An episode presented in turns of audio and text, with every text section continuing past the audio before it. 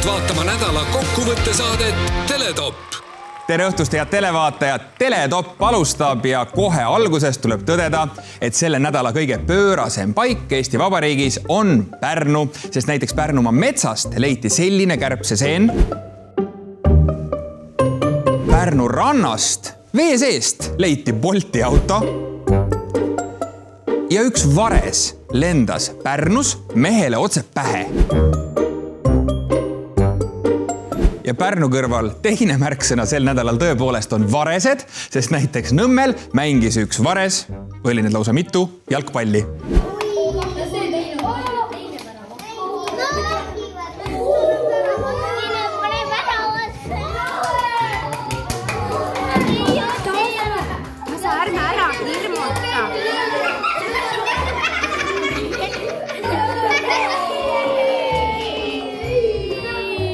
Ragnar Klavan, kes sa pole ka veel jõudnud Eesti koondisesse, vaata ette, varesed tulevad. aga nüüd võtame nädala kokku ja meiega on stuudios kokkuvõtjate raske kahurvägi. mehed, kes on meisterlikud iseenda, oma jutu ja tegelikult mis tahes asja kokkuvõtmisel. võtame aplausiga vastu Mart Juur ja Peeter Oja ja et nädala kokkuvõtmine oleks korrektne, on meil stuudios ka sõltumatud kokkuvõtjad, näitleja, lavastaja otse Tartust Katrin Pärn ning kirjanik otse Tallinnast, Andrus Kivirähk. Katrin, mis oli sinu nädala kõrghetk mul juhtus selline müstiline lugu. et ma panin äh, pesumasinasse selle oma poja maski, riidest maski ja see kadus ära nagu sokk äh, kusjuures ta kadus isegi nagu noh, ta tõesti kadus niimoodi ära, et see pole võimalik, ma otsisin mitu korda läbi kogu pesumasina. mees võttis isegi lahti selle, kuhu see koguneb, mingi asi, mis sinna koguneb. see mask ei olnud ka sinna läinud. kõik selle teekonna, kus ma keset pesuga käisin, kõik pesud, mis välja tulid, aga sellel on lihtsalt see hea lugu, et mul on selline prohvetlik pesumasin. et näiteks eelmisel talvel mul kadus ära samamoodi üks villane sokk mm. -hmm. ja ta oli kadunud, ta oli kadunud ja mis seal salata, tuli kevad üsna varsti ja ei läinudki vaja seda villast sokki enam. no palun väga. nii et nüüd on see maski kadumine on selline, et noh, ootame, vaatame. pesumasin on väga imeline masin ja ei ole väga mõtet nagu üritada tema toimimehhanismi tungida, et las ta olla omaette ja ära teda käpi ja ära sa kätt sinna sisse pane või no pead veel hullem, et siis need võivad ka ära kaduda. kuidas sul nädal läks? väga hästi, ainult mul ainult kõrghetked olidki selles mõttes, et neid, neid tuleb lihtsalt ise tekitada, et näiteks alati, kui ma tulen koju viskan diivanile pikali ja ongi juba kõrghetk käes, et äh, võtan veel raamatu sülle. Uh, -huh. siis, äh, siis ma tõusen püsti diivanilt, lähen kööki, näen seal hurmavaid toite, jälle kõrghetk on käes, nii et päev koosneb kõrghetkedest. pärast kööki jälle diivanile tagasi, jälle kõrghetk. Ja õhtul magama voodisse, issand, öö läbi on kõrghetk. Ja hommikul ärkatan jälle nii tore, jälle kõrghetk, nii et inimene peab lihtsalt ise tekitama neid endale ja ma elangi nagu sellisel hiiglaslikul platool, kus äh, nagu alla ei lange peaaegu, peaaegu hetkekski. Näiteks täna tulin siia jälle kõrge hetk, otse-eetris Peeter, kuidas sul kõrghetked? no pärast, pärast äh, Andruse esitlust mul ei ole midagi juurde panna. no mõned inimesed elavadki närvuselt. ma ja, selles mõttes mul on lausa. aga ära muretse sellest. ja, ja võib-olla sellest ajendatud, ma mõtlen, et vaata, inimene äh, tegutseb tihtilugu intuitiivselt, tal on, no ta ei oska põhjendada, aga ta teeb seda ja, ja, ja nüüd ma sain aru, milles oli minu nii-öelda kõrghetk seisnes ja miks ta oli just selline tänu Andrusele, et kui on inimesel kogu aeg madal seis, siis ta otsib uh -huh. nii-öelda juhust, et saada kõrghetk ja minu kõrghetk oli kolmanda eh, süsti kättesaamine Mart, kuidas sinu nädal no, veeres? mina pean rõõmuga nentima, et ma nägin sel nädalal ühte väga kõnekat episoodi pealt kõnnin mina mööda Vilmsi tänavat, et minna linna poole. Vilmsi tänav on selline ajalooline tänav, kus kahekümne neljandal aastal lasti maha kommunist Jaan Kreuks ja kus pärast sõda asumiselt naastes mõnda aega elas Jaan Kross, ajalooline tänav siis nii-öelda. ja mööda Vilmsi tänavat minu silmad esma, esmakordselt nägid sõitmas pakirobotit mm et tõesti ajalooline hetk, pakirobot meie tänaval, ta oli harukordselt tark et ta sõitis mööda kõnniteed, meie kõnniteed tänu linnavalitsuse äh, hoolsusele on täpselt sellised, nii nagu nad Jaan Kreuksi laskmisest äh, maha laskmisest maha jäid. et pakirobot kohtus ühe mm, postiga seal tänaval ja pakirobot jäi seisma, raalis olukorda, tõmbas tagasi ja sõitis ringiga mööda, tark masin ja siis sellel lool on järg. ma pöörasin ümber nurga, astusin Narva maanteele, nägin järgmist episoodi linnaelust. suur äh, furgoon üritas tagurdada kaks meest äh, istusid kabiinis, juht vaatas välja ja teisest aknast vaatas välja kõrval istuv mees. Nad tagurdasid, tagurdasid, siis käis kolks, nad tagurdasid vastu tänavaposti. ja siia õppetund on see, et robot sai postiga suurepäraselt hakkama. vaatas, sõitis mööda furgoonis olid kaks meest, ma toonitan, kaks täiskasvanud homo sapiensi ja nad suutsid sõita vastu posti. õppetund on selles, et masinad võtavad meie elu üle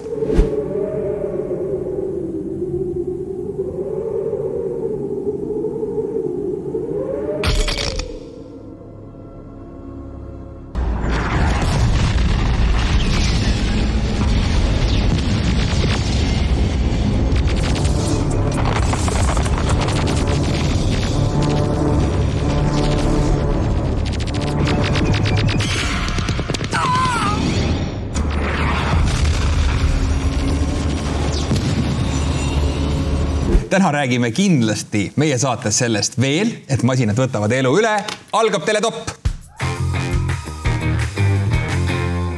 nüüd üks uudis sellest, mis juhtub siis, kui sõda pole ja sõdurpoisid istuvad niisama, käed rüpes ja relvad roostes. Virumaa Teataja kirjutab, Tapal teenivad Prantsusmaa sõdurid sattusid Elroni rongis okseskandaali. liitlasvägede sõdurid oksendasid Elroni rongi täis, mõni seisis vaevu püsti, käisid vahetustega oksendamas, kirjeldas üks pealtnägija meeste käitumist.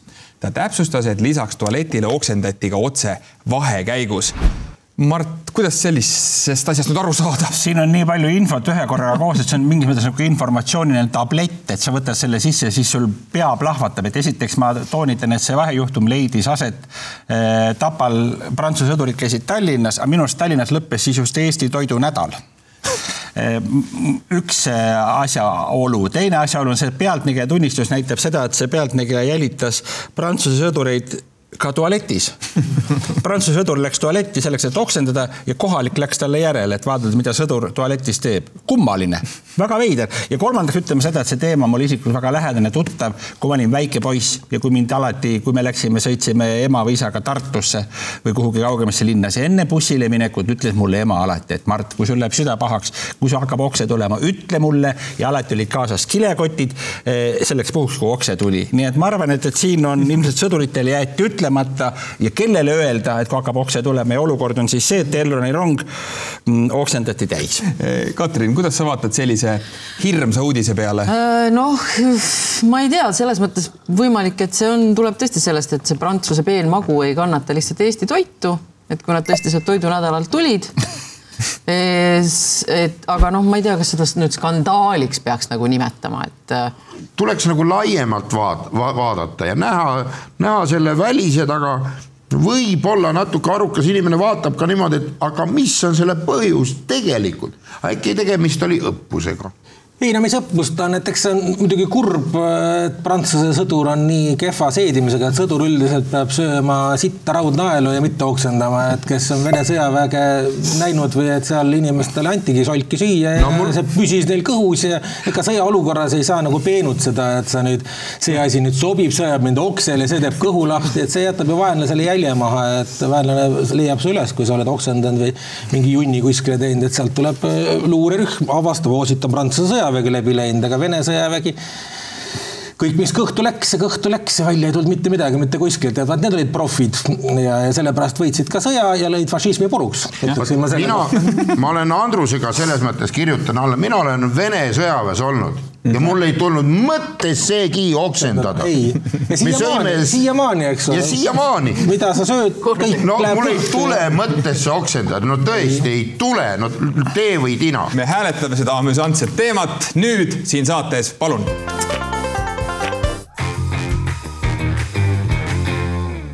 möödunud nädalal rääkisime sellest, et Hiiumaal märgati linnuperekonda, mille olid loonud siis Kanada lagle ja hall hani.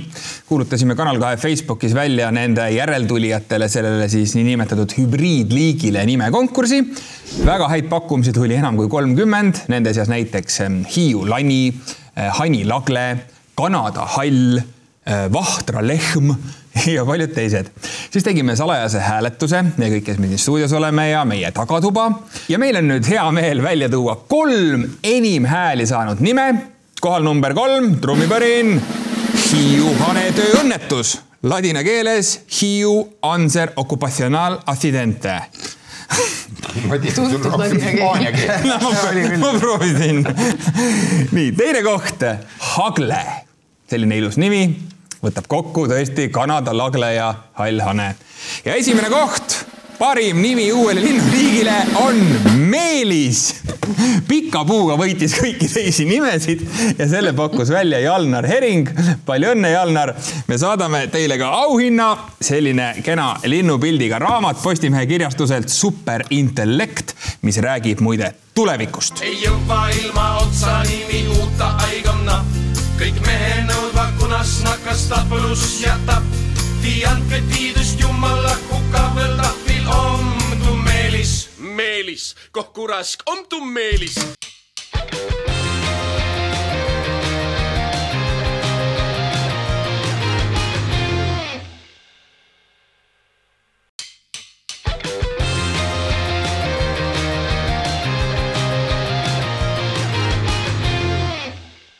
nii, mis toimub? Esmaspäeval kell neliteist null kaks kaldusid kaks Eesti sõjaväe õppereaktiivi L kolmkümmend üheksa pöörde tegemisel Uttöö saarest lõunas Soome õhuruumi. kaitseväe peastaabi teatel oli tegemist ajaloos esimese õhupiiri rikkumisega Eesti õhuväe lennuvahendi poolt. mis meil toimub siin, Katri, mis sa naerad? võib-olla need ka oksendasid seal, noh lennukis. no jaa, no see, nad kaldusid, kui nad niimoodi ootamatult kaldusid ja seda ei planeerinud.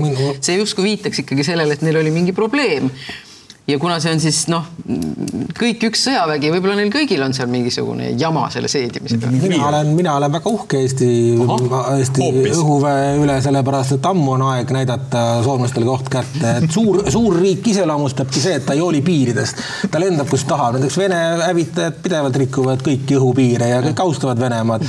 et Eestil on ka aeg nagu koht kätte näidata naabritele ja hakata lendama sealt, kus tahad, et see, mis see piir loeb, eks ole. miks nad siis vabandasid? Vabandasid. vabandama ei peaks tegelikult, see on õige küll, et ei pea midagi vabandama. nii madalale ei ole mõtet langeda. lendasin, sest tahtsin. sest meeldis. ja meeldis jah mina leian ka, et pärast, no me teame kõik, et üks äh, Eesti noh, läbi aegade üks äh, häbiväärsemaid aastat on kaks tuhat kaheksa. miks? kui Kreisi raadio esindas Eestit Eurovisiooni. tuleta meelde. no ma räägin, ma räägin siiamaani, siiamaani see häbi on, aga nüüd õnneks on see häbi maha pestud ja ma olen Andrusega päri selles mõttes, ma olen ka uhke. ma uhken olla eestlane. seda häbi ei pese küll keegi maha. ei, ma peale seda, kui Eesti julgelt sõitis sisse Soome äh, õhuruumi. ma nüüd taltsutaksin teie entusiasmi, et kui julge see suts ikkagi oli, et käidi mingi pool minutit no, ja tõmb... algus tuleb teha, eks ole, hiljem läheme juba pooleks tunniks ja lõpuks me maandume Senati väljakul või Lapimaal jah, jõuluvana juurde lendame lihtsalt. Rovaniemis ütleme järgmine kord me oleme Rovaniemis. nagu Mattias Rust. tegelikult Eestil pole põhjust vabandada, Soome on juba eestlaste poolt okupeeritud, Soomes on Eesti nii-öelda tsiviilisikuid, Kalevipoeg on seal umbes nelikümmend tuhat. viies kolonn.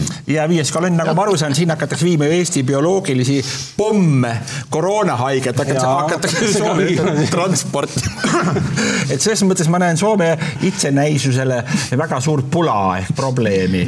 nii et soomlastel tasub olla praegu tähelepanelik, mida me sinna siis nüüd sisse viime, kas siis õhu kaudu või maa kaudu ja aeg on hääletada seda teemat nädala sündmuste edetabelis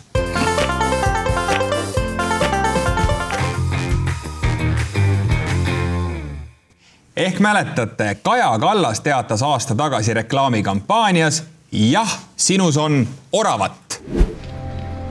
sa tunned viimasel ajal üha rohkem, et Eesti liigub vales suunas. sa tahad justkui kogu aeg midagi paremaks muuta sa tunned, et oled justkui millekski valmis kui tunned samamoodi, siis jah, sinus on oravad. mis aga juhtus nädala eest Mustamäel? portaal Lemmik kirjutas, et Halloweeni paiku said päästjad keset ööd väljakutse Mustamäele ehitajate teele, kus elumaja seina sees käis seletamatu möll ja madin. nagu pealkiri ütleb, Mustamäel vajas päästjate abi seina sees mürgeldanud oravapoiss Andrus, kas siis Kaja Kallase üleskutse, et võetakse nüüd kuidagi väga tõsiselt, et kõik nüüd kuidagi on, muutuvad siin oravateks ümberringi? me ei pea minema nii poliitiliseks, sest et äh, kui sa tahad poliitilist juttu rääkida, siis muidugi võib teha sellise nalja, et kujuta ette, kui seina sees oleks olnud ninasarvik. mis siis oleks saanud, küll see oleks alles mürglit teinud, aga minu arust on see äärmiselt tore, kui Mustamäe selline paneelmaja täitub äh, sümpaatsete metsaloomadega, et see ongi rohepööre minu jaoks. et äh, seal ei ela enam nii nagu Vene ajal ajal mingid lutikad ja prussakad ainult, vaid just nimelt seina sees on oravad. Äh, ütleme kanalisatsioonis ujuvad saarmad mm., keldris liiguvad siilid, katusel istuvad, äh, ma ei tea, peo, peorebane istub katusel jah. ei no linnud on veel lisaks sellele tihased, leevikesed. aga Andrus, kas sa. maja, maja on nagu sihuke suur lillepõõsas. Andrus, kas sa ei ole natuke silmakirjalik, ma mäletan, kuidas sa kogu oma poeetilise vaistuga lõid häirekella nagu kanaarilind kaevanduses, kui eelmisel suvel sinu rõdule tegi pesakajakas siis sulle küll ei meeldinud. aga kas ei ole ikkagi siis, kas ei ole pigem siis ikkagi selline metsarahva kättemaks, et noh, te võtate meil siin meie, meie majad võetakse maha, on ju, me siis tuleme, elame siin teie majades. Peeter, kas sinu meelest on siin mingi seos Kaja Kallasega või on see ikkagi metsarahva pealetung? juba teist korda siin saates ma ei näe uudist. Aga.... tähendab, minu jaoks ei ole uudis, minu meelest see on asjade loomulik käik, lihtsalt me oleme ju, ma ei imesta, et varsti me näeme ja mind ei üllata, aga neid ajakirjanikke kindlasti üllatab, kui me näeme kuskil oravat rääkimas telefoniga, mobiiltelefoniga aga loomulikult ta ju su suuteline jäljendama, nii et äh, no, kitsed rõdul. kui ei võetaks neid metsasid nii palju maha, äkki siis. ei, see ei ole nagu üldse selles asi ka loomad tahavad edasi minna, miks ta peab istuma seal metsas, kui on olemas linn täis ehitisi, ta tahab ka öö, ööklubis kohata kitse või, või põtra. no kuulge, jumal, väga tore. me peaksime, vaata siin tekib me, inim, meil kui inimestel selline ülesanne, ei ülesanne, õppida ära loomade keel. sest kui, kui juba see läheb, kui me kohvikusse läheme, kohvikus vaatad, põder on lauas mm ja hakkab sinuga juttu rääkima, aga sa ei oska mitte mõhkugi. üks väikene orav pakkus nii palju jutuainet, nii et hääletame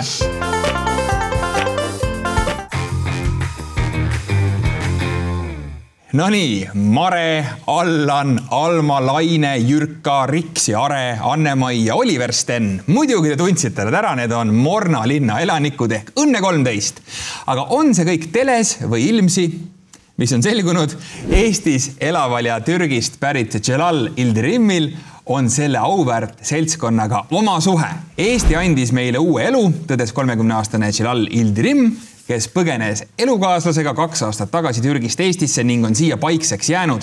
oma suurepärasest keeleoskusest rääkides tõdes Celal, et on vaadanud üle viiesaja Õnne kolmeteistkümne osa, seda selleks, et keelt õppida. ja nüüd ongi meie seltskonnaga liitunud Celal Ildirim eh,. Silav Celal. tere viissada osa Õnne kolmeteistkümmet, see tähendab umbes kakskümmend aastat materjali. kui kaua teie seda siis vaatasite? ütleme kahe aasta jooksul. sest ma olen teadnud, et kui, kui te tahate õppida keelt ja filmi vaatamine, seriaali vaatamine on väga oluline kui ma hakkasin õppima, kohe ma küsisin, mis on Eestis kõige populaarsem serial. siis ma hakkasin vaatama õnneks enne kolmteist mis laused ja sõnad teil konkreetselt meeles on Õnne kolmeteistkümnest? näiteks sisse, sisse, uks on lahti ja, aga tead, mulle rohkem meeldis Alma, Alma on natuke ütleme, vana Türgi riigi Osmani vanaema roll. ja see on täpselt Osmani vanaema, ta hoiab kõiki, kõik peab olema tema kontrolli all. aga kui ta hakkab midagi tegema, ta ütleb, pole küll minu asi, aga kui ma hakkasin, hakkasime vaatama ja siis mõtlesime, ja eestlased on sõbralikud inimesed, aga internetis kirjutas, eestlased on külmad inimesed nagu ilm. aga ma ei usu. tõesti, eestlased on väga sõbralikud inimesed. aga mis teid kõige rohkem üllatas eestlaste puhul, kui te Õnne kolmeteist vaatasite? kui me kolisime Tallinnasse, see oli jõulude ajal. ja ma mõtlesin, ma pean midagi tegema. sest ma tahaks tutvuda oma naabritega. Siis ma küsisin oma, meie korteri omanikult, kas ma ostan kõigile naabritele kingitus, siis ma lähen, ma koputan uksele. tere, mina olen Jalal, teie uus naaber. saame tuttavaks aga meie omanik ütles, ära tee seda, Jalal, sa oled Eestis. aga mina tegin. Ja siis, kui me ostsime kingitusi ja läksime mu naisega, koputasime uksele. tere, mina olen Jalal, teie uus naaber, tahaks lihtsalt suhelda, tutvuda.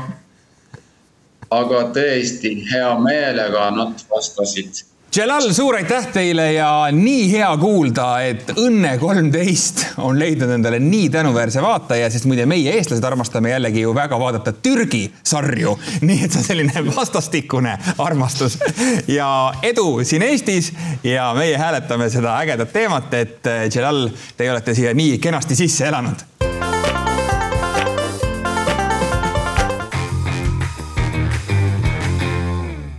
sel nädalal sai laiem avalikkus esimest korda kuulda üheksa kuud kultuuriminister olnud Anneli Oti mõtteid, kui ta avaldas neid siis pressikonverentsil, mil teatas oma tagasiastumisest. ja mul on tõesti olnud suur au töötada koos nende inimestega, kes on pingutanud kõvasti selleks, et Eesti kultuur oleks jätkusuutlik. ja ka mina ise olen teinud kõik selleks, et et kogu meie kultuurivaldkond väljuks sellest kriisist elujõulisena. ja see on kindlasti olnud väga keeruline otsus, aga see on läbimõeldud otsus. see on minu isiklik otsus, et mina kultuuriministrina selles valitsuses jätkata ei saa ja ma astun tagasi niisiis Anneli Ott põhjendas oma tagasiastumist sellega, et Kaja Kallase juhitavas valitsuses ei ole võimalik ellu viia oma kultu kultuuripoliitilisi ideid ja mõtteid. siis on õige valik ju, Andrus, et tagasi astuda ja no seda oli ju kohe algusest peale näha, et tal ei ole võimalik, sest ta ei teinud ju mitte midagi, et kohe algusest peale ei olnud võimalik, esimesest päevast peale ta sai aru, eks ta kannatas, kannatas, kannatas ja no lõpuks siis, siis lahkus, aga huvitav on tõesti see, et et Keskerakonnal ikkagi on veel toredaid inimesi kultuuriministriks panna, nii et eks seal, ma arvan, et seal käib lähiaastatel veel väga palju Keskerakonna liikmeid läbi, nii et kõik saavad väikse märgi endale. olen ka kultuuriminister olnud. aga enne kui me jõuame uue ministrini, ma küsiksin niimoodi, et miks Koit Toomele ei helistatud? aga kust sa tead, et ei helistanud? no võib-olla helistati, Koit on väga äraütleja aga ma leian tõesti. nii palju kontserte, et ta ei jõua. aga kas enam on kontserte? võib-olla Koit tegi no. väga valesti, et praegu ära ütles no,. Koidul ikka on kontserte. tule, tuli hiljem välja, et ta on Isamaa liige, nii et see oleks olnud väga ootamatu, kui pannakse inimene ministriks ja siis selgub, et ootamatult on valitsuses, kuhu Isamaa tegelikult ei kuulu, üks minister Isamaa liige ja mis sa temaga siis teed, kui ta on juba kinnitatud. tagasi ta ei astu.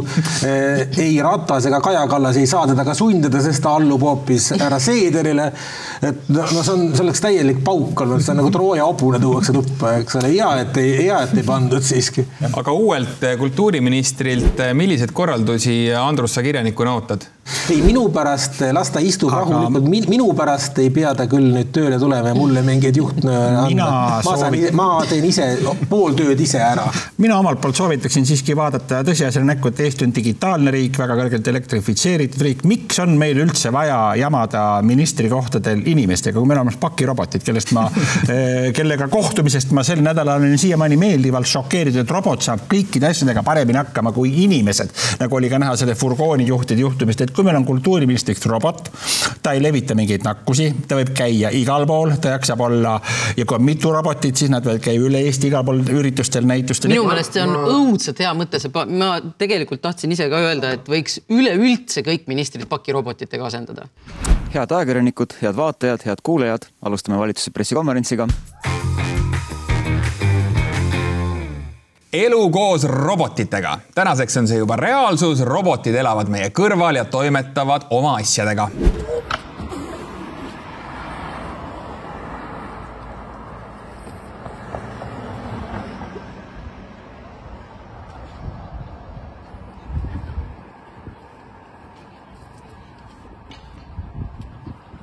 Katrin, liigid suhtlevad.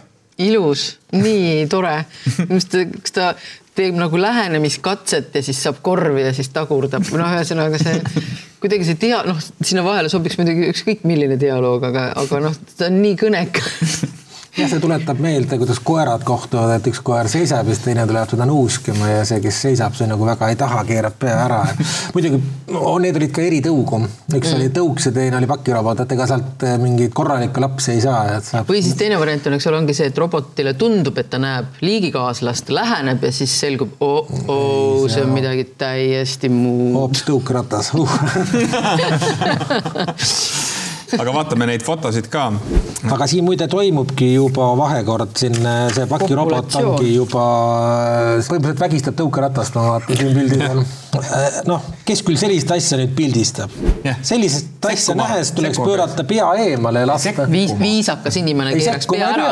aga huvitav, mis sellest välja tuleks? sekkuma, kui sa näiteks tütarlapsega kuskil tänaval, ma ei tea, suudled, ma lähen sekkuma ma, ma ei, Mart, ma vaatan mujale. ei, viisakas inimene keeraks pea ja, ära. aga loll pildistab. aga mis siit välja tuleb, mis äh, tõukeratas ja Teie siin teete nalja, kõigil on lihtsalt lõbus, aga siin sellel fotol, kus on üks pakirobot rattad taeva poole, te mõelge selle peale, et selle roboti sees on kellegi inimese lõunasöök või õhtusöök.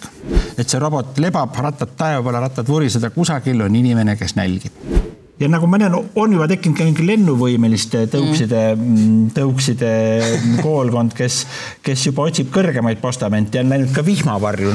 siin on tegemist selle posti otsas tõuksiga, see ei ole vaimselt normaalne enam.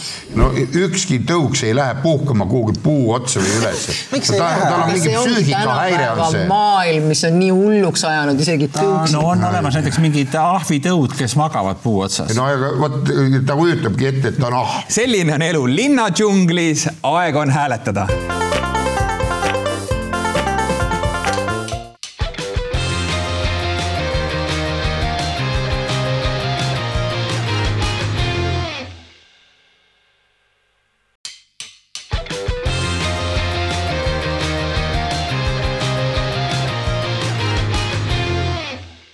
sugu on sotsiaalne konstruktsioon, igaüks võib hommikul otsustada, kes ta siis täna on.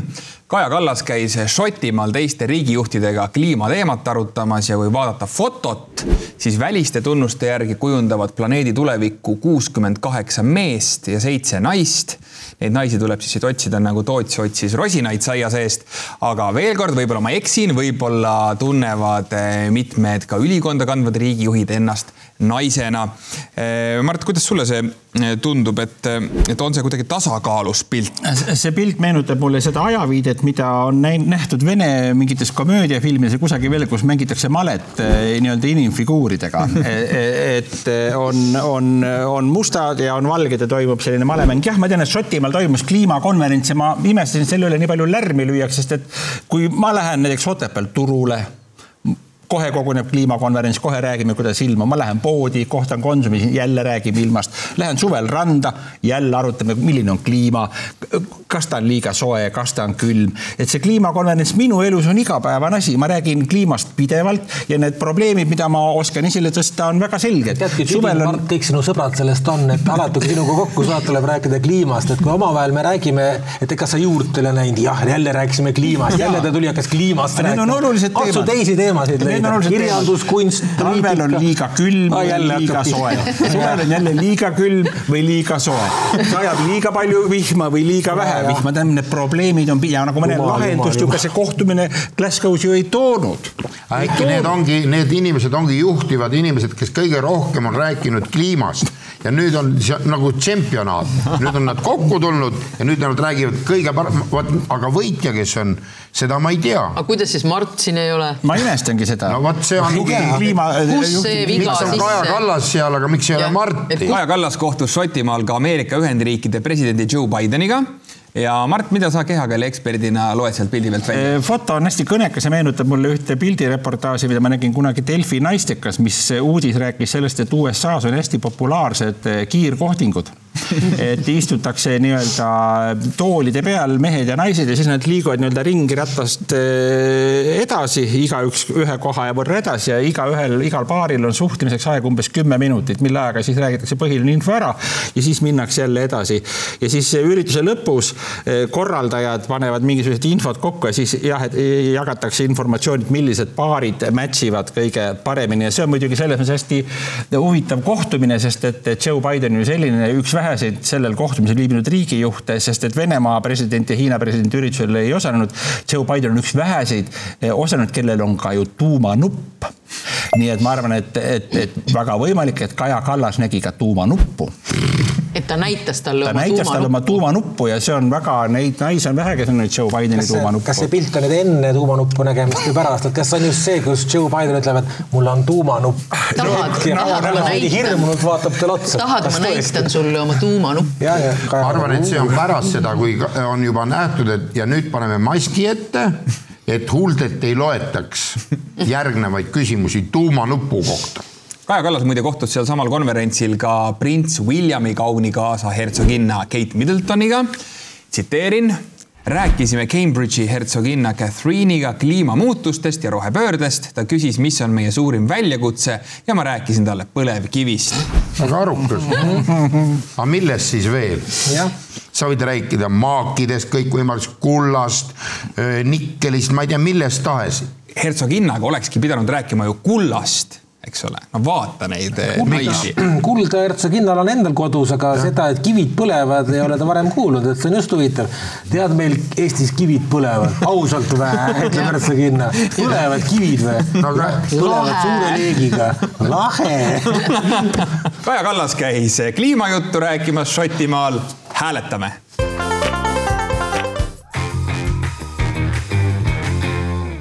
nüüd üks uudis kõigile tööinimestele. nimelt pandi Hongkongis tööle selline teenus, kus väsinud hongkonglased saavad soetada endale bussituuri pileti.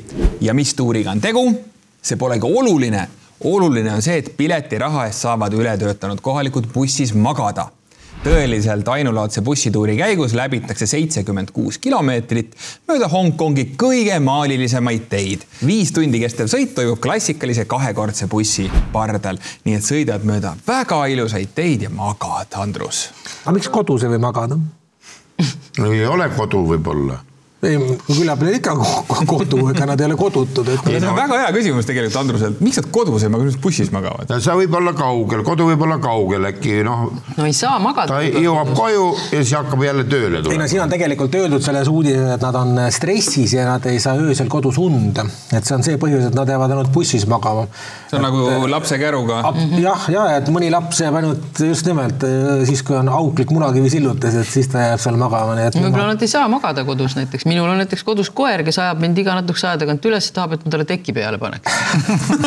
ma ütlen lihtsalt info mõttes, et Tallinna kõige pikem bussiliin on bussiliin number viis, mis sõidab Männiku ja Kloostrimetsa vahel mm -hmm. ja see on nii pikk reis, et selle ajaga jõuab teha täiesti mõnusa, tervikliku ja tervisliku maitsva uinaku. ja magada minu... jõuad hambaid pesta, hommikust süüa seal bussis kõik. just. see oli minu buss, kui ma Tallinnas elasin ja siis äh, ma tõesti lapsena tegin seda tihti, et sõitsin temaga niimoodi ringiratast, sest ta ka sõitis ringiratast mm. -hmm. kuulge, meil on olemas see buss järelikult number viis.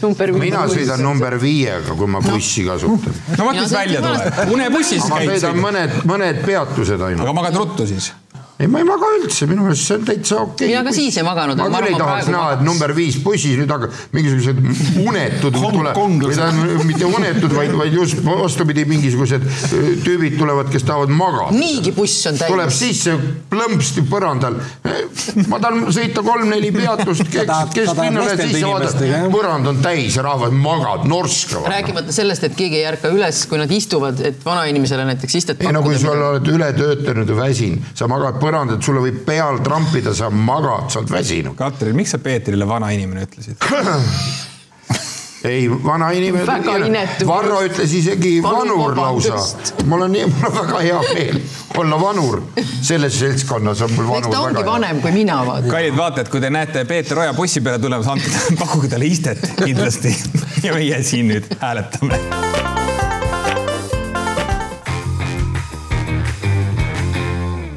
mul on väga hea meel, et te vaatate televiisorit, sest see tähendab seda, et teie tuju on vist hea sest halb tuju tuleb hoopis sotsiaalmeediast.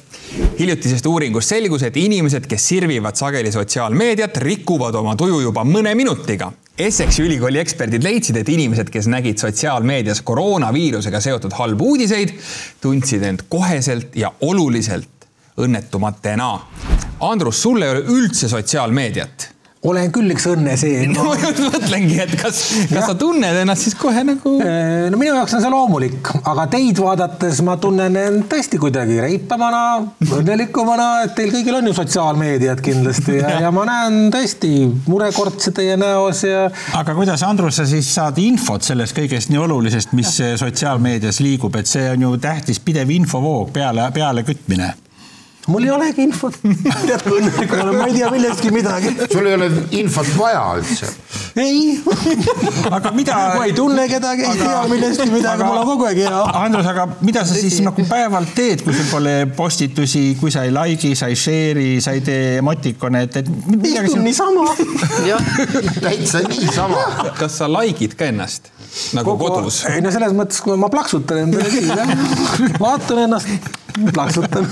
patsutad õlale. patsutan õlale jah. niisiis, me kinnitame seda fakti Andruse põhjal, elav näide tõesti, et inimesed, kellel pole sotsiaalmeediat, on õnnelikumad ja Kindel. aplaus ja aega on hääletada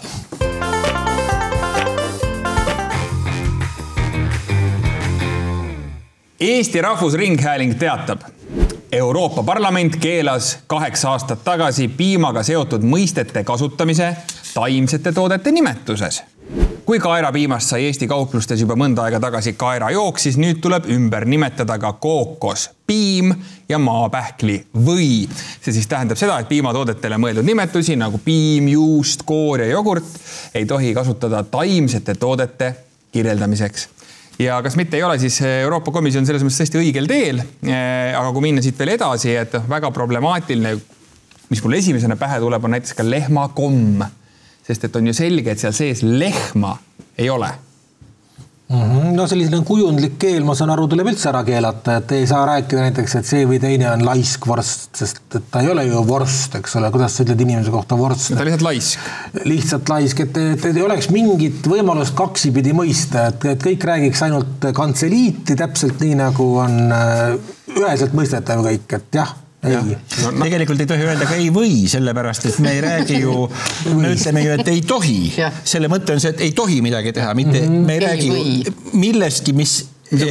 ei ole tehtud piimast ja ei. näiteks kui sa ütled Mart või Andrus, siis milleks see või seal vahel, kui ei. meie vahel ei ole mingit piima? ei, absoluutselt mitte. ei ole.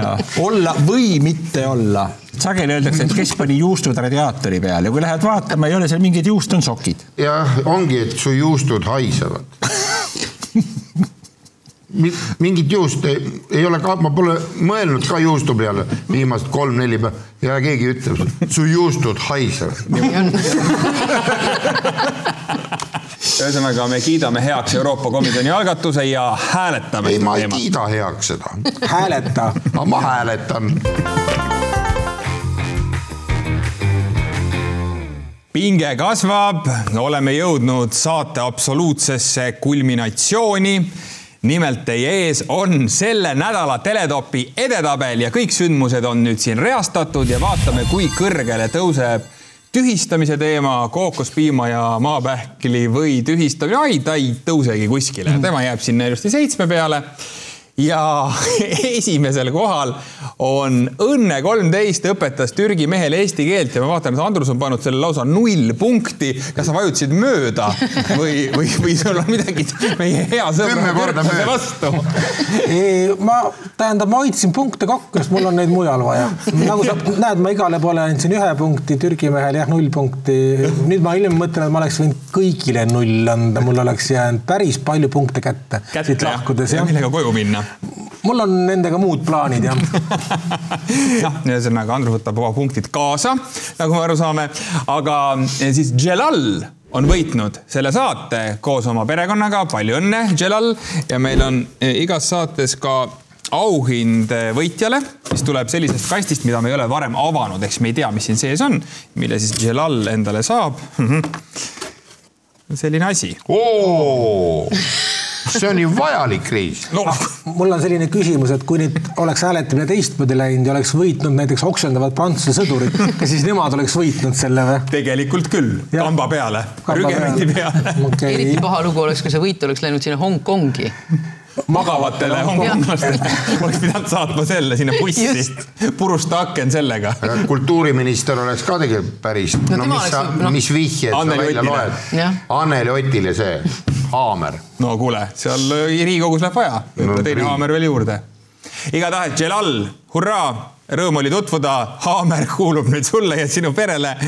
ja suur aitäh kõikidele vaatajatele, meiega olid täna Katrin Pärn, Andrus Kivirähk Peeter Oja ja Mart Juur. kohtume uuel nädalal Teletopi saates